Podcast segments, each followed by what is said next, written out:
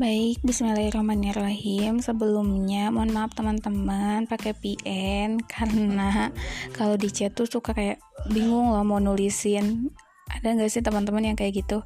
Kayak di kepala tuh udah ada tapi bingung mau nulisin apa gitu. Nah, makanya enakan pakai VN langsung aja ya teman-teman. Jadi sebenarnya uh, buat perihal beasiswa itu banyak banget, bener-bener banyak tapi banyak di sini kalau misalnya teman-teman udah bisa masuk ya, udah bisa masuk ke salah satu kampus, khususnya kampus negeri yang saya tahu. Terus uh, emang ada sih beberapa juga beasiswa yang bisa teman-teman apply atau bisa teman-teman apa daftar gitu sebelum teman-teman masuk kampus. Nah, itu tuh ada beasiswa unggulan yang dari Kemendikbud kalau tidak salah nanti teman-teman boleh cari infonya lebih lanjut. Terus ada beasiswa etos etos juga sama dari Kemendikbud dan ada beasiswa KIP atau yang sebelumnya itu bidik misi. Nah untuk KIP dan bidik misi ini kan kalau sebelumnya itu diurusin sama sekolah ya. Kalau Diman berarti sama Pak Heri kalau tidak berubah. Jadi nanti teman-teman boleh tuh kepoin ke Pak Heri kayak Pak gimana sih caranya biar saya bisa apply beasiswa uh, bidik misi gitu atau yang sekarang tuh namanya KIP nanti sama Pak Heri kali aja dikasih tahu gitu syarat-syaratnya. Nah itu uh, beasiswa yang bisa teteh rekomendasiin buat teman-teman apply sebelum masuk kampus.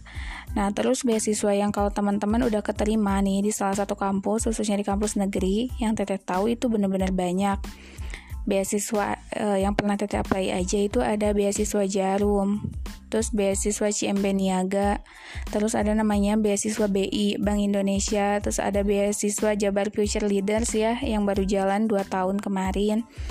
Terus uh, ada banyak lah banyak banget bener-bener banyak. Dan nanti biasanya uh, di masing-masing fakultas atau di masing-masing prodi teman-teman itu akan diinformasikan ya oleh pihak keadvokasian mengenai beasiswa apa aja sih gitu yang bisa disubmit atau bisa di-apply sama teman-teman nanti kalau udah masuk kampus. Nah, sesuai pengalaman Teteh ya, Teteh pernah apply beasiswa Jabar, Jabar Future Leaders dan itu tuh beasiswanya dari gubernur ya, gubernur Jawa Barat Pak Ridwan Kamil. Nah, nanti kayak gimana sih Teh nanti misalnya cara apply-nya? Nah, cara apply-nya nanti itu uh, salah satunya di antaranya deh bukan salah satunya di antaranya itu pakai transkrip nilai yang di mana biasanya transkrip nilai itu ada nilai minimumnya.